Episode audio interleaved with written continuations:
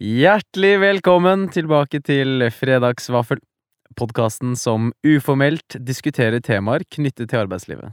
Mitt navn er Magnus, og jeg ønsker deg en god lytt.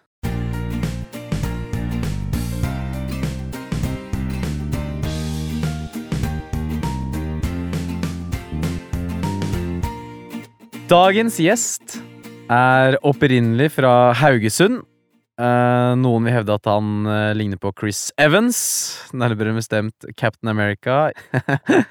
han startet karrieren sin i Forsvaret som visekonstabel og ledet et vaktlag gjennom sin tjeneste. Han har gått fra butikkleder til regionsjef til HR-sjef i Norge for Joe and the Juice i en alder av bare 24 år. Før han i 2021 begynte som HR- og kundekonsulent i Adecco-gruppen. I dag jobber han som fagansvarlig innen hospitality for samme selskap. Hjertelig velkommen, Runar Brende. Tusen takk. tusen takk. Alt vel? Det vil jeg si. Hva med deg? Ja, Det er uh, alltid fint å være her. Uh, før vi går videre, hva vil det si at du jobber i hospitality? Hva betyr det? Det ligger jo litt i ordet, uh, mm. men det er jo litt det å, å serve, på en måte. Du har jo flere områder innenfor kjøkken, du har innenfor renhold, du har Ja, vi jobber jo med og dagligvarebransjen. Eh, vi jobber med servitører, vi jobber med egentlig ganske bredt spekter, men at det holder seg innenfor hotell, restaurant, horeka er på en måte en fin betegnelse sånn sett. Mm. Og så tar vi mye av, av det som omhandler mat og produksjon òg, egentlig. Bra. Da vet alle lytterne hva det er. Runar, i Fredagsvaffel så har vi tre raske. Og dette er for å bli enda litt bedre kjent med deg, og for å sette fredagsstemningen, eh, så klart. Er du klar for det? Absolutt. Kjør på. Nummer én. Hva spiser du på vaffelen din? Oh, jeg er veldig firkanta der. Det, det er ikke så mye å hente. Det, det er en vaffel med i den, Det som er viktig, er det er i denne rekkefølgen her. Det er en vaffel med jordbærsyltetøy Ja. og rømme. Vanskeligere er det ikke, men det må være i den rekkefølgen. Ja. Ikke noe bringebærsyltetøy. Nei, bare jordbær. Bare jordbær. Og da, det, her er jo, det er jo tre raske, men jeg stiller egentlig alltid spørsmål her. Er det da myk eller eh, sprø vaffel? Jeg vil legge oss midt imellom de to, tenker Ja. jeg. Riktig. Ja, ja, det er eh, Nå sitter jeg her og dømmer folk, men ja, det er bra. det er mer enn stiv, i hvert fall. Eller sprø. Eh, hvis du kunne spist vaffel med hvilken som helst person, død eller levende, hvem ville du helst spist med? Hvem jeg ville spist en vaffel med? Um, ja, det har jo vært mange gode eksempler. Uh, men jeg tror jeg ville spist vaffel med, med min bestefar, som eh, dessverre gikk bort uh, veldig tidlig. Før jeg egentlig fikk liksom knytta noen bånd til han, sånn sett. Uh, så jeg ville gjerne liksom hatt en, en prat med han, hvor han på en måte kunne fortelle meg litt om de minnene som vi hadde sammen, da, så jeg, så jeg ikke rakk å oppleve sånn sett, eh, siden han dessverre gikk bort. Ja. Så det er nok den personen som jeg ville spist en vaffel med. Ja, Det er fint.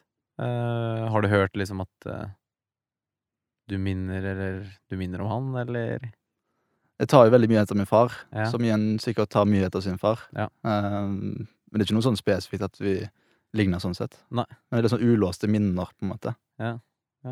Fint. Og så dilemma til slutt, som du eh, får servert akkurat nå. Og det er Ville du helst snakket i rim resten av livet, eller ville du helst snakket i gåter resten av livet? Åh, den er tøff, altså. Men uh, jeg er jo en uh, notorisk dad-joker, Okay. Uh, så jeg tror nok jeg ville gått for å snakke i rim resten av livet. Runar, i dag skal vi snakke om hvordan veien inn i arbeidslivet uten høyere utdanning er, og høyere utdanning defineres som ett år da, eller mer på høyskole eller universitet. Og for, for å sette litt kontekst, da, Um, så er det til tross for lav arbeidsledighet i landet uh, en kjent sak at det er mangel på arbeidskraft. Uh, Dette kom i bedriftsundersøkelsen til Nav. Og uh, der sto det også at hele arbeidsstyrken ikke blir utnyttet godt nok. Og dessverre er det slik at dette ofte gjelder mennesker uten høyere utdanning, ettersom kravene til kompetanse aldri har vært så høy i arbeidslivet. Dette er fra NRK, da. Og ifølge SSB så er det 75 000 unge, altså 15 til 29 år, som står uten eh, jobb, og også da utdanning. Eh, mer rundt den sammenhengen, det vet jeg ikke, men det er i hvert fall det jeg fant. Og du eh, er i kategorien uten høyere utdanning. Absolutt. Og det er derfor vi skal prate om det i dag. Spennende. For det er et veldig viktig tema.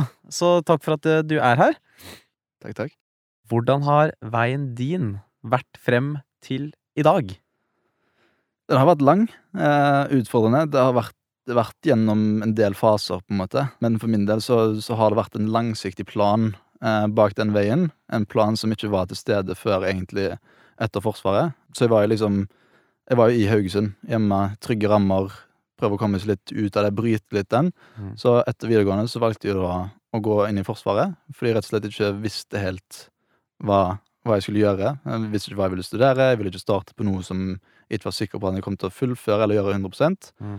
Eh, Så da ble på en måte militæret en vei inn for å få litt struktur og litt rammer i hverdagen. Var du skolelei da, eller tenkte du liksom skole er ikke noe for meg? Begge deler, egentlig. Ja. Jeg tenkte begge deler, og så tenkte jeg at det ville nok kanskje komme etter et år. At den lysten til å, til å ta skole etterpå, Mm. den ville nok komme etter jeg har hatt et, et år i militæret, hvor Mm. du utfordrer deg sjøl og gjør litt andre ting, da. Men gjorde den det, da? Absolutt. Ja. Den, eh, mye av det som jeg har gjort i dag, er nok mye til takke for det året i Forsvaret. Det vil Ja. jeg absolutt si. Ja. Som sagt, ikke noe motivert for studier. Forsvaret ble liksom min på en måte redning. da Jeg var Mm. veldig, veldig umoden, veldig barnslig. Mm. Ehm, men det ga meg, som jeg sa, de strukturene, de rammene. Uh, du fikk liksom Du fikk en connection med å jobbe på lag. Du var liksom uavhengig, uh, som lærte meg mye. Eh, fikk gode eh, skussmål fra, fra rekrutten. Eh, følte egentlig at jeg ble litt lurt av, eh, av konstabelen min, som sa til meg at når jeg fikk utstillingen og ikke fikk komme på båt, så sa han bare takk meg senere. Fordi da kom jeg inn på brannstasjonen på Konsvern. Mm. Og fikk egentlig jobbe som sivil brannmann på en av Nord-Europas største militærbaser. Ja. Det høres jo veldig kult ut, da. Absolutt. Spør du meg. Ja. Altså, jeg skjønner at du var, var irritert der og da, men. For det er mange som prøver å komme inn der òg, Ja, og ikke klarer det. Ja. For det er jo strengt, det er jo opptak og uh, alt mulig rørt, da. Ja. Etter det, da? Etter Forsvaret? Etter Forsvaret. Eh, først og fremst fikk jeg jo litt erfaring innenfor ledelse da, i Forsvaret. Mm. Hvor jeg ble vakt, altså ledende for det vaktteamet som jeg etter hvert tok over. Så der, fikk, der fant jeg på en måte en, en vei hvor jeg kunne bruke mine kompetanser til å lede. da. Eh, tidligere, eneste ledererfaringen var fra fotballaget når, når jeg var kaptein. Mm. Men jeg prøvde liksom å videreføre det som jeg hadde gjort der. Eh, høre etter, snakke med de andre Mm. medsoldatene. Bare sånn, hva er det du faktisk har lyst til å gjøre? Har du lyst til å sitte i vakt i dag? Har du lyst til å være med på øvelse? Vil du sitte på bil 1? Vil du sitte på Mm. bil 2? Litt sånn forskjellige ting. Eh, få litt innspill, og så sette en struktur ut ifra de styrkene som de hadde, da. Og det fungerte veldig bra, egentlig. Som gjorde at jeg fikk gode skussmål fra, fra det året i militæret, sånn sett, og lærte veldig mye om meg selv. Mm. Og så, etter Forsvaret, så Er det Haugesund, da, eller? Ja, hjem og til, tilbake til trygge rammer, og hjem og, og spille litt Fifa til langt på natt, og skulle liksom ha sommerferie. Og, Ja. men samtidig så hadde jeg lova min far at jeg skulle ha et friår fordi jeg skulle jobbe. ja. Um, så da Da ble det til at eh, etter to uker hjemme så følte han at da var det nok. Nå må du komme deg ut og få deg en jobb. Ja. Um, så da, sur og sta som jeg var, så gikk jeg ut og skrev syv-åtte søknader. Gikk bort til den første butikken som vi fant. Ja. Det var tilfeldigvis Johnny Juice. ja. Eh, der møtte jeg eh, Der møtte jeg en um, prosjektleder som åpna Johnny Juice i Haugesund. Eh, jeg gikk bort til han, spurte om de hadde noen ledige stillinger. Han sa til meg at nå er du heldig, fordi regionsjefen han er til stede i dag for å ta intervjuer for å rekruttere til en ny stilling. Mm. Jeg bare ok, ja, det går an å ha såpass flaks òg. Så jeg ville bare bedt om å vente, egentlig. Eh, sette meg ned i, ute i baren, som de kaller det, eh, og ventet på at regionsjefen skulle komme tilbake. Han kom tilbake, jeg ga han søknaden, ga han CV-en. Da tenkte jeg sånn, ok, nå har jeg på en måte gjort mitt. Nå stikker jeg hjem, og så håper jeg det blir kalt inn til intervju. Mm. Det skjedde jo ikke. Han Han tok jo bare CV-en og søknaden min og la den ned langs låret, eh, uten å gi det et lite blikk, egentlig. Ja. Så jeg tenkte litt sånn, ok, hva, hva skjer nå? Ja.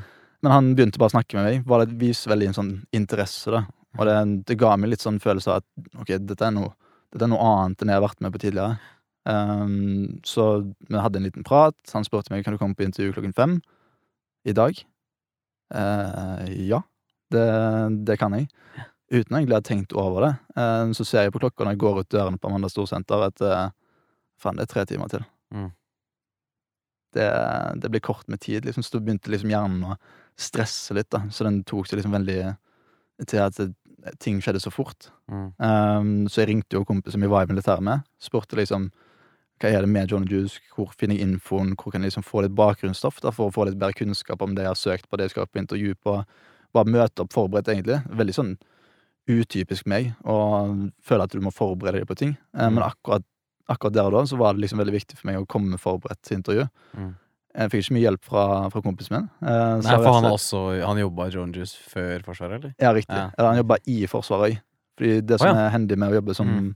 brannmann på Haakonsvern, er at du går en turnus. Eh, så når han var hjemme i Oslo på for eksempel en ni, ni dagers fri, Ja. så, så kunne han jobbe. Mm, nemlig. Så han hadde på en måte allerede en inngang der. Og det var sånn egentlig Det var det eneste jeg visste om John Juice. At han var i Forsvaret med Aha. faktisk jobba der. Ja, men, ja, bra. For det, men var det sånn at eh, Var det noen på noen Altså, nå tok det jo bare to uker da før du begynte å Eller faren din tvang deg i gåsehudene til å søke jobb, men var Ja. du liksom redd for at du kunne komme tilbake til en Eller komme inn i en tralt? For du var, du var ikke motivert for skole Eller var du motivert for skole på det tidspunktet, liksom? Eller? Nei, altså Søknadsfristen hadde jo da gått ut, for jeg Ja. kom jo hjem i sommeren. Riktig. Så da var det liksom Det ville vært et, en ti måneders periode uansett, Ja. før jeg eventuelt kunne starta på, på studier. Ja. Eh, så jeg visste at jeg måtte jobbe, eh, men stresset kom nok fra at eh, Hva hvis jeg får avslag her? Liksom, nå er jeg liksom satt inn Nå føler jeg ikke at jeg skal gå og søke på andre jobber i tillegg etterpå, når jeg har fått intervju. Jeg tar det intervjuet, Mm. og så ser vi hvordan det går. Mm. Det var nok der stresset kom fra. Mm. Ja, bra. Og hva endte det med, da? Til, til slutt Eller ja, vi kan jo skjønne hvordan det gikk, men du må jo fortelle liksom hva Ja, fremgangen, eller hva skjedde? Ja, Fremgangen var egentlig at eh, jeg var dritstressa. Jeg fikk ikke noe informasjon fra kompisen min. Han sa han vet ikke. Det var, en, det var det eneste svaret jeg fikk. Ja. Han vet ikke hva som, hva som skulle vites, eller hva som ble spurt om, eller noen ting, fordi alt var forskjellig. Ok, eh, kom inn på intervju, viser at det var en samtale. Sånn totalt off topic, egentlig, om alt og annet. Og hva liker du på fritiden, hva har du gjort i sommer? Bare sånn for å finne ut på en måte hva person jeg er, da. Så, så snakka med en time der om alt og ingenting. Eh, så på slutten spurte han om jeg var ute etter deltid eller fulltid, og så sa jeg det du trenger meg til. Jeg tar både deltid eller fulltid. Jeg kan starte deltid og så gå over fulltid Mm. på sikt. Mm. Eller så kan jeg jobbe fulltid fra starten av. Mm. Så sa han ok, fint. Kontakt i løpet av en uke. Den standard, standarden. Ja. Og hva, et, hva etter det? Det, det blei jo veldig mange stillinger, eller titler, Ja. I Joan Juice etter hvert. Det skilte seg veldig ut fra starten av, når jeg fikk på en Mm. måte en mail natt til lørdag klokka kvart på tolv om natta om at du gratulerer, du har fått jobben. Så HR-sjefen satt jo da nesten, nesten midnatt mot lørdag og bekrefta folk som skulle begynne. Mm. Eh, så det syntes jeg var litt merkelig. Ehm, så jeg fikk jobben. Jeg visste ikke hva jeg hadde fått. Det sto ja. ingenting om at jeg jobba fulltid eller deltid, hva arbeidsstedet var, eller noen ting. Eh, men jeg visste at jeg hadde fått jobben, så jeg var glad sånn sett. Jeg måtte forberede meg på alle, alle ingrediensene, og alt sånt sett. Jeg måtte kunne i hodet før jeg skulle da ha første arbeidsdag. Mm. Um, så jeg begynte jo bare å lese, egentlig. Begynte å pugge på de manualene og ta tester og, og alle disse tingene. Mm. Uh, fikk en telefon på søndagsmorgen rett etter frokosten av regionsjefen, som da sa at uh, gratulerer med at du har fått jobben. Uh, vi tenker at du skal bli butikksjef på Oasen Storsenter når den åpner om to uker. Mm. Ok. Mm. Ja, det høres bra ut, det. Fint. Da gjør vi det. Så vi snakkes eh, på mandag. Mm. Rett til butikksjef. Det var noe, det var ikke noe mellomsteg eller noen ting. Nei. Så jeg fikk liksom bare en, en opplæringsplan som var satt opp sånn at jeg hadde to uker eh, med, med basic opplæring, Mm. og fire uker med da, det som vi kaller for bar manager training da, i, i Johnny Juice. Mm. Så det gikk ganske intensivt, og etter fire uker tvert så, så dro jo han prosjektlederen fra Oslo tilbake til Oslo. Så var bare sånn, nå Runa, nå skal du stå på egne bein, og skal du drive denne butikken her, og det skal, det skal gå bra, hvis ikke kommer vi tilbake. Mm. Og det, det håper du ikke at jeg gjør. Oi, oi, oi. Så det gikk jo veldig bra, da. Det Ja. gjorde jo det. Man Ja. må jo si det at resultatene kom veldig fort, og det kom veldig naturlig. Eh, jeg fikk veldig mye til credits for de som jobba sammen med meg. At de på en måte, de satte meg i en posisjon der jeg kunne lykkes. Mm. For der var det jo to kompiser jeg kjente fra før. En som jeg hadde vokst opp med, og en som jeg har spilt litt fotball med. eh, som skjønte hvor viktig det var for, for min del da, å komme inn i en sånn rolle som dette, bevise at jeg, dette er noe som jeg kan. Mm. Eh, og der gikk det på Mye av motivasjonen min gikk jo på at jeg merka at det var et selskap der du kunne skape dine egne muligheter. Gir du nok, gir du nok resultater, gir du nok av deg sjøl, Mm. så, så vil mulighetene komme, på en måte. Mm. Eh, så de fikk veldig respekt for den, den veien som jeg hadde valgt, Mm. eh, som gjorde at de ble veldig lette å jobbe med. Selvfølgelig så er det jo det å skille mellom vennskap og, og jobb, Mm. men den, den grensa der gikk egentlig bare når, når den måtte det. Altså hvis det skulle tas tak i et eller annet, da satte vi en liten strek, bare sånn nå, nå er det jobb som gjelder, og så tar Mm. vi det gøy etterpå. Mm. Eller hvordan gikk det til at du ble mm, regionsjef og endte opp i Oslo etter hvert? Det gikk jo ganske fort, sånn sett. Ja. Eh, Jeg føler i hvert fall at det gikk veldig fort. Ja. Eh, På det tidspunktet der syns jeg det gikk drittregt, fordi at jeg er en veldig sånn Jeg vil ikke si utålmodig person, men jeg må se progresjon, jeg må se en vei, på en måte. Så jeg er veldig sånn masete eh, når det kommer til at eh, OK, nå jeg, jeg kan gjøre den oppgaven her, men egentlig så syns jeg at jeg har mer verdi i en annen type jobb, Mm. som gjør at jeg kan gjøre det og det og det. Så jeg går på en måte inn med en, med en pitch egentlig inn mot nye ting, større ting. Det var jo karrieresatsing. Det var det som, det som gjorde at jeg var i Juice. Det var ikke på grunn av, av lønn eller andre ting, men det var på grunn av at jeg satte en langsiktig plan og bestemte meg for at så lenge jeg har progresjon i denne jobben her, Mm. så blir jeg der. Med en gang den progresjonen stopper, så, så må jeg se etter andre muligheter, om det er studier, eller om det er en annen type jobb, eller hva man skal gjøre da. Mm. Så to og et halvt år i Haugesund. Eh, hadde til slutt ansvar for begge butikkene. Eh, Flytta til Stavanger Mm. i, um, i et halvt år. Det er en god periode. Jeg egentlig ble i Oslo, fordi at de, ville jo fortsette meg i den stimen som de hadde meg i. da Altså bare bygge videre på den gode, de gode resultatene som kom, og Mm. på en måte de lederegenskapene som, som de så i meg. da Så da fløy meg- over til Oslo, fordi da skulle uh, begge lederne på, på Oslo lufthavn De skulle på ferie samtidig. Mm. Så var litt sånn logistikkproblemer som normalt i, i den bransjen om sommeren. Mm. Uh, Så jeg ble egentlig bare ringt og sagt at eh, Rune, nå har jeg et veldig bra prosjekt for deg. Uh, Dette tror jeg du kan lære veldig mye av. Mm. Da hadde jeg jobba der såpass lenge at jeg skjønte at det var, det var noe mer bak enn at det var en god mulighet for meg. Det var nok litt at de var i, i en, på en måte en krisesituasjon, og at de så at dette var den letteste løsningen å få til det. Så jeg ble jo satt på et eh, prosjekt på flyplassen eh, i to uker, der jeg skulle da lede hele flyplassen, eh, hele teamet, driften, alt av ting som måtte ordnes Mm. eh, med et par skiftmanagere, sånn sett. Så der de hadde vært to stykker frem til da, der ble det plutselig en fyr fra Haugesund som hadde jobba i butikker som omsatte for en tiendedel av det Oslo lufthavn omsetter for daglige. Ja. Så det var, det var et lite sjokk. Men Ja. igjen, da. eh, Jeg er en person som hopper i det. Ja. Jeg har aldri vært noe redd for å på en måte gjøre noe feil, og det tror jeg er mye av grunnen til at jeg, at jeg er der jeg er i dag. Mm. Men før vi går videre til at du ble HR-sjef i Norge for Joan Juice, altså hva var det du gjorde som gjorde at det ble en suksess i de butikkene? Det er interessant. Jeg tror det var det at etter hvert så, så fungerte de butikkene like bra uten meg til stede som de gjorde med meg til stede. Mm. Eh, Jeg hadde en veldig sånn eh, approach mot det at eh, så lenge jeg er den som bringer mest verdi, så kommer jeg til å ta flest av timene på vaktplanen òg. For jeg jobba jo altfor mye, det, det er bare å være ærlig på å Ja. si, men det var fordi jeg hadde så mye overskudd for å få til de resultatene. Mm. De resultatene skulle inn uke etter uke etter uke. Jeg skulle liksom ikke ha de, de avvikene der det gikk skikkelig dårlig, Mm. og sånne down periods. Så det løfta jo teamet, fordi de skjønte at her er det faktisk konkurranse om timene. Skal jeg tjene meg penger, så må jeg òg gjøre en bedre jobb. Mm. Så det var litt sånn carrot or stick, eh, sånn sett. Men det var ikke noe som ble måte nevnt. Det var bare en argumentasjon for at dette er måten vi jobber på. Når dere er liksom noenlunde opp på nivå med det som, som jeg kan gjøre, så får dere flere timer. Jeg stepper litt mer ut, kanskje tar en fridag. Dere får fri fra meg, maset mitt og, og alt sånn som det. Mm. Eller at jeg flytter på meg, sånn som vi gjorde når jeg flyttet til Stavanger. Mm. Og det samme gjorde jo der òg.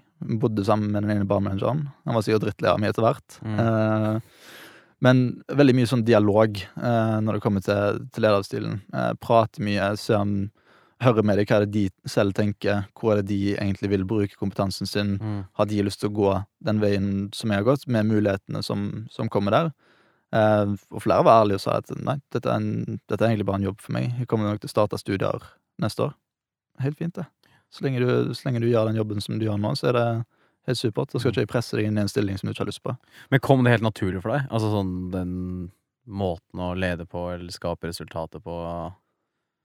Det gjorde det. Eh, hele personen Runar spiller jo mye på lead by example, eh, som vi bruker hele tida når det kommer til Når det kommer til jobb, egentlig.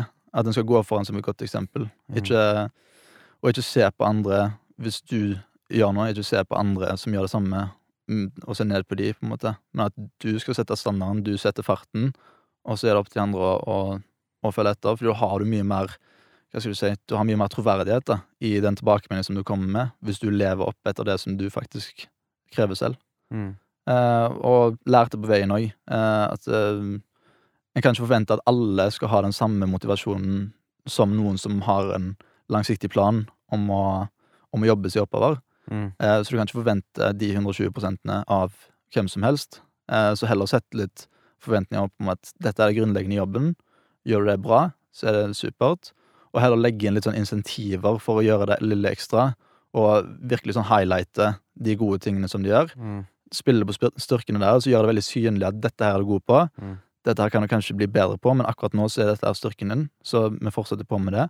Og så kan jeg heller plukke av bitene etter deg på de andre områdene, Mm. til du er komfortabel med det selv. Mm. Mm. Men hvorfor var det her så mye mer motiverende for deg enn skole? For det første så får du jo betalt for det. Ja.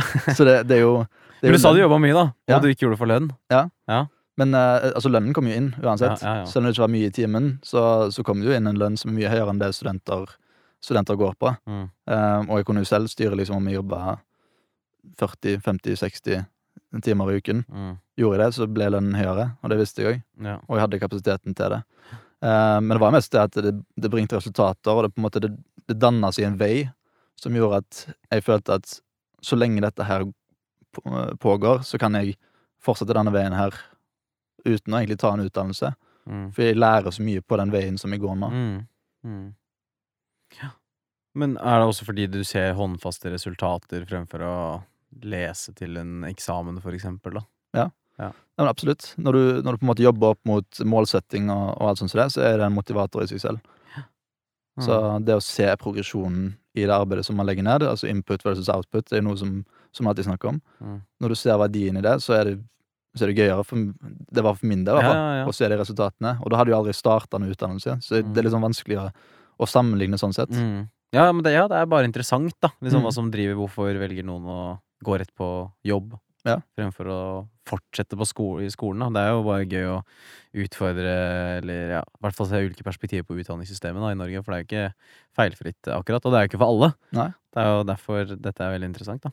Uh, men uansett, du ble jo HR-sjef på et eller annet tidspunkt, og det er jo mange, Må jo være mange, tør jeg å si, hundre ansatte, og det er jo ganske mange lokasjoner Altså, hva kaller man det? Butikker? Nei.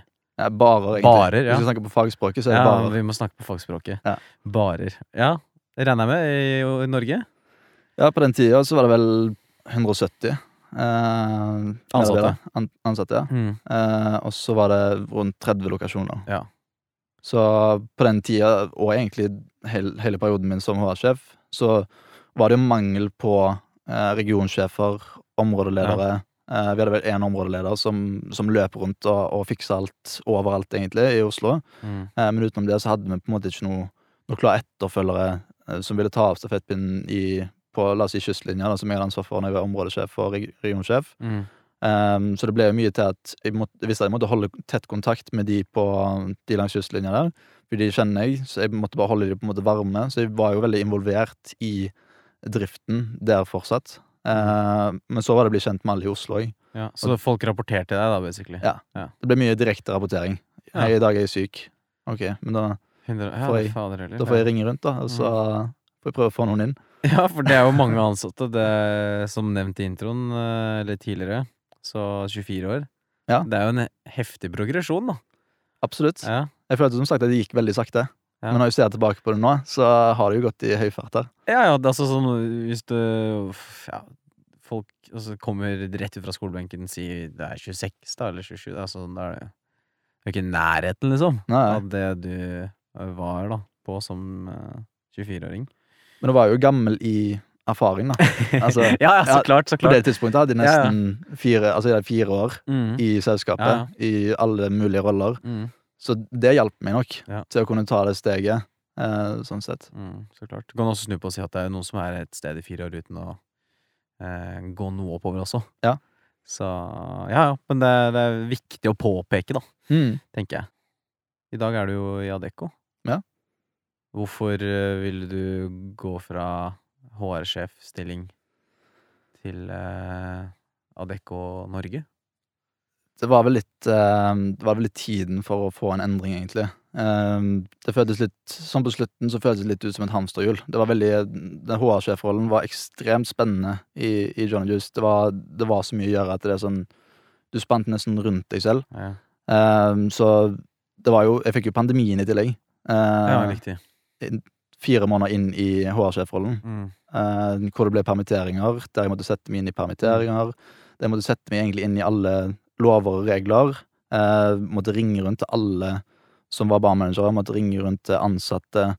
Eh, så jeg hadde sikkert samtaler og dialoger med 100 stykker i løpet av den dagen der alt på en måte stengte ned. Mm. Eh, for der er det ikke så Det er ikke så mye tyngde i John Juice på det tidspunktet der Nei, at de visste Aldri vært borti noen permittering før. Hva betyr permittering? Hva er Mm. forskjellen på permisjon og permittering? Eh, hvordan vil jeg, vil jeg miste jobben min, eller vil jeg komme tilbake til jobben min? Mm. Alle de tingene der var jo viktig for meg å, å ha en dialog rundt med, med de ansatte. Og sånn at de òg forstår at dette er ikke noe som vi ønsker å gjøre, men det er ikke noe som du heller vil tape veldig mye på. Fordi at vi, vi fikk en god struktur på det, eh, og den måtte jo stå for selv. Eh, selvfølgelig med hjelp fra, fra Danmark og tidligere HR-sjef og, og alt sånt som det, men Mm. selve prosessen måtte jeg finne, på, finne ut av selv. Eh, og satt der helt, helt grønn i Excel og begynte å lage liksom filer der det er liksom sånn Ok, dette her skal bli tilbakebetalt. Så jeg hadde liksom hele oppsettet sånn, da. Um, så det skapte mye verdi. Det var gøy og spennende. Um, og mye av de tingene som vi gjorde senere, var gøy og spennende. Um, men det stoppa på et tidspunkt, eh, der progresjonen på en måte stoppa litt, og jeg følte at jeg har stålkontroll på ting, men jeg har bare ikke tiden til å gjøre de tingene som jeg har lyst til å gjøre. Eh, så de ble litt sånn, det ble sånn halvveis, og det hamsterhjulet til slutt og spant for, spant for langt. Mm. Um, da jeg kom på jobb en dag og rett og slett bare starta å kaste opp. Ut av, ut av, Ja. ingen, ut av ingenting, egentlig. Ja. Um, så jeg, jeg merka at kroppen begynte liksom å si ifra at Nå må du ja, roe ned. nå er kapasiteten liksom Den er nådd. Ja. Uh, og det, jeg kunne fint ha klart det, hadde det liksom vært en, en vei videre. Uh, men akkurat på det tidspunktet der så, så følte jeg at det var noe vei videre. Og når du da står i det kaoset med, med veldig mye arbeid og veldig mye ansvar, og veldig mange som rapporterer til deg, det er mandag til søndag fra morgen til, til klokka elleve, på en måte, Mm. um, så, så sliter du på kroppen. Uh, så kroppen begynte å si ifra. Uh, heldigvis så har jeg på en måte jeg har både familie og venner som, som er veldig Hva skal du si veldig, veldig gode å ha rundt seg, da. Som gir meg veldig mye støtte, men som òg setter ting litt i et kritisk lys når de trenger det. Eh, som gir meg liksom beskjed om at nå, nå er det kanskje på tide å gi seg, fordi det er helsa som går først. Mm. Eh, så det var jo noe som, som jeg merka selv òg. Eh, det var ikke noe tegn til endring. Eh, da begynte jeg å søke andre jobber, og der sto Adecco igjen yeah. med åpne armer og, og velkommen meg inn der. Steike, altså. Adecco. Og der har du vært siden Ja, siden august i eh, 2021. da. litt over et år? Ja. Ja, Det føles veldig kort, da. Altså tiden ja. ja, ja, Tida Tida flyr, da. Vi jobber jo nesten bare tre dager i uken, hvis du tenker på det sånn. Du føler bare du husker mandag, onsdag, fredag. Pluss har Adecco så jobber jo bare tre dager i uka! Det er jo en av fordelene med å jobbe der. Det er byråkrati, vet du. Det er deilig. Hvordan var eh, Men altså, hvordan var prosessen inn til eh, Adecco? Nå har du åpenbart en bra CV med lang arbeidserfaring osv. Var, var det noe krav til eh, utdannelse? Var det noe Hva var det Adecco vektla, liksom? Det er vanskelig å si hva de vektla sånn sett, Mm. men det, det står jo alltid at det er liksom Du skal ha en utdannelse innenfor Ja. HR, for eksempel. Ja, ja. Mm. Men det er ikke alltid at det må være sånn. Nei. Så jeg tok jo bare en sjanse. Søkte på mange stillinger, men Adecco var liksom de første som kom på banen og viste interesse allerede to dager etterpå jeg hadde levert inn søknaden. Um, så jeg følte liksom ikke at det var noen stopper, at jeg ikke hadde noen utdannelse. Mm. Men samtidig så er det jo Du tenker jo liksom Ok, hvor mange av de som er i denne prosessen her nå, har enten en bachelor eller en mastergrad Mm. som er relevant til arbeidsstedet, da. Så du sitter jo alltid med en liten følelse at du, du starter litt på, på hælen, liksom. Var du bekymra for det? Litt. Jeg var Ja. det. Jeg må innrømme det. At eh, det gikk litt tanker, litt runder med noen kompiser og, og alt sånt som det, der eh, jeg gikk gjennom Men jeg, jeg havner jo bak de som, de som har utdannelse. Det er jo klart, og det er nesten sånn det er bygd opp òg. Um, Ja, det er jo det. men, uh, men de var veldig positive. Bare sånn Nei, men altså, den, den erfaringen som du har, den, den bør jo holde, liksom. Og så Mm. bare sånn Kommer du inn på intervju, så, så får du til dette her. Mm. Bra. Ja, det er veldig fint. Eh, Jeg hyller jo det, så klart. Eh, Men nå gikk det fint for deg, da. Altså, du sitter her og vi prater sammen. Men har du noen tips til mennesker som velger å ikke ta en utdannelse, eller ikke eh, tar det? Altså, er det mangel på motivasjon eller muligheter? Altså, det kan være mange grunner. Mm. Um, for de fleste arbeidsgivere, spesielt i de større byene, da, krever jo en eller annen form for utdannelse, um, dessverre. Så ja, igjen, har du noen tips til eh, mennesker som er i den situasjonen?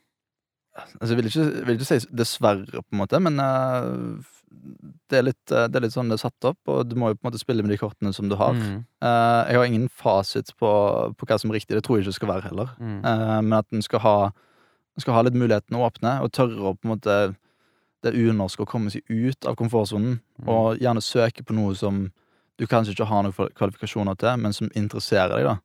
Og John Juice var jo et supert selskap for min del. Jeg merka fort at her er det karrieremuligheter, mm, og jeg tok de med begge hendene. mm, Og var noe, jeg var ikke redd for å feile. Jeg stolte på at alt, alt kan egentlig læres. Eh, du har sett det på menneskeheten opp gjennom historien òg. De Mhm. tingene som, som mennesker har fått til, viser jo bare at det, det å lære seg å gjøre en jobb, det går an hvis du finner ut hvordan mennesker flyr, liksom. Så selvfølgelig klarer du å fikse den jobben. mm, mm. Så um, det er litt det, å være litt sånn nysgjerrig, da, og, og søkende på utfordringene som, som ligger foran deg. Vær litt på, spør litt spørsmål.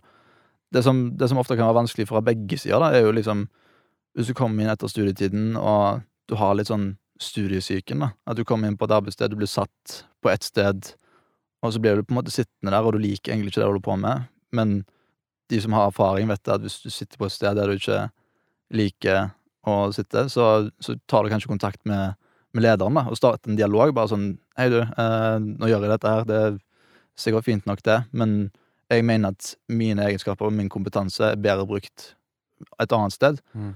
Og liksom initiere en sånn samtale som det, tror jeg kan være enklere for folk som har arbeidserfaring og vært gjennom flere dialoger med arbeidsgivere. sånn sett.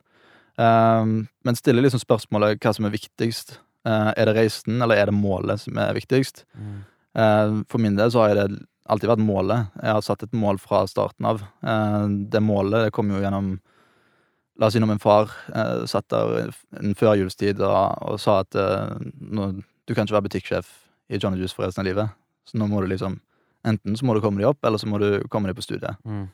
Så da, da får jeg litt sånn Da er jeg sånn sta igjen, da. Det tar litt sånn etter pappa. Bare sånn Ja, ok, men innen to år da skal vi være på hovedkontoret, da. På Johnny Juice.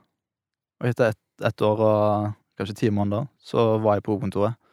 Så det å sette seg mål, tørre å ta liksom de hårete målene, og så må du liksom skape litt de erfaringene som du får på reisen, så du bruker begge deler, men finne ut hva som er viktigst for, for deg, Mm. og ikke være redd eller tvil på deg sjøl. Mm. Supert. Så utfordre komfortsonen. Mm. Være nysgjerrig og søkende på utfordringene. Eh, skape noen grunnverdier, spesielt det du snakka med om at alt kan læres. Mm. Still deg spørsmål om hva som er viktigst, og ikke tvil på deg selv. Det er mine tips. Ja, det er kjempe Ja, men det er veldig fint, det. Det er veldig fint. Um, men har du også noen tips til arbeidsgivere? Ja, altså nå har jeg dratt frem to eksempler da, som på en måte har satsa på meg, uten Mm. noe utdannelse sånn sett. Mm. Men gjerne at flere arbeidsgivere tar det, tar det initiativet, eh, og spør du en arbeidsgiver nå om de ser etter eh, en med utdannelse eller en med erfaring, så kommer jo alle arbeidsgivere til å svare ja takk, begge deler. Mm. For enten så har du for lite erfaring, men du har utdannelsen. Mm. Eller, så har du, eller så har du erfaringen, men du har for lite utdannelse. Mm. Så du havner liksom i en sånn der midtpart der det egentlig ikke gagner noen noe spesielt. Fordi du, Mm. det er noen som får avslag på avslag på avslag uansett, og det kan, det kan være tungt, altså. Uh, merker det med, med våre kandidater òg, at uh, de har vært i, levert ut 82 søknader og fått avslag på avslag. Mm. Ehm, men gjerne ta det steget innimellom. Ok, hva kan jeg se på internt, da? Kan jeg lage på en måte en, en skole eller en, en type utdannelse som gjør at jeg kan rekruttere noen inn som har liksom den gutsen, som har den motivasjonen, og som har lyst til å gjøre noe med, med karrieren sin? Kan de komme inn hos meg, og så skal jeg heller vise de veien inn i denne bedriften her? Skape nye karrieremuligheter? For hvis du ser på det svart på hvitt, så er det jo sånn En arbeidsgiver vil jo ansette en lojal ansatt. Men hvis den lojale ansatten blir ansatt gjennom et papir, og det er liksom det personen blir ansatt for, så kan man egentlig ikke forvente noe spesielt med lojalitet fra den ansatte heller. Nei. Det går liksom begge veier.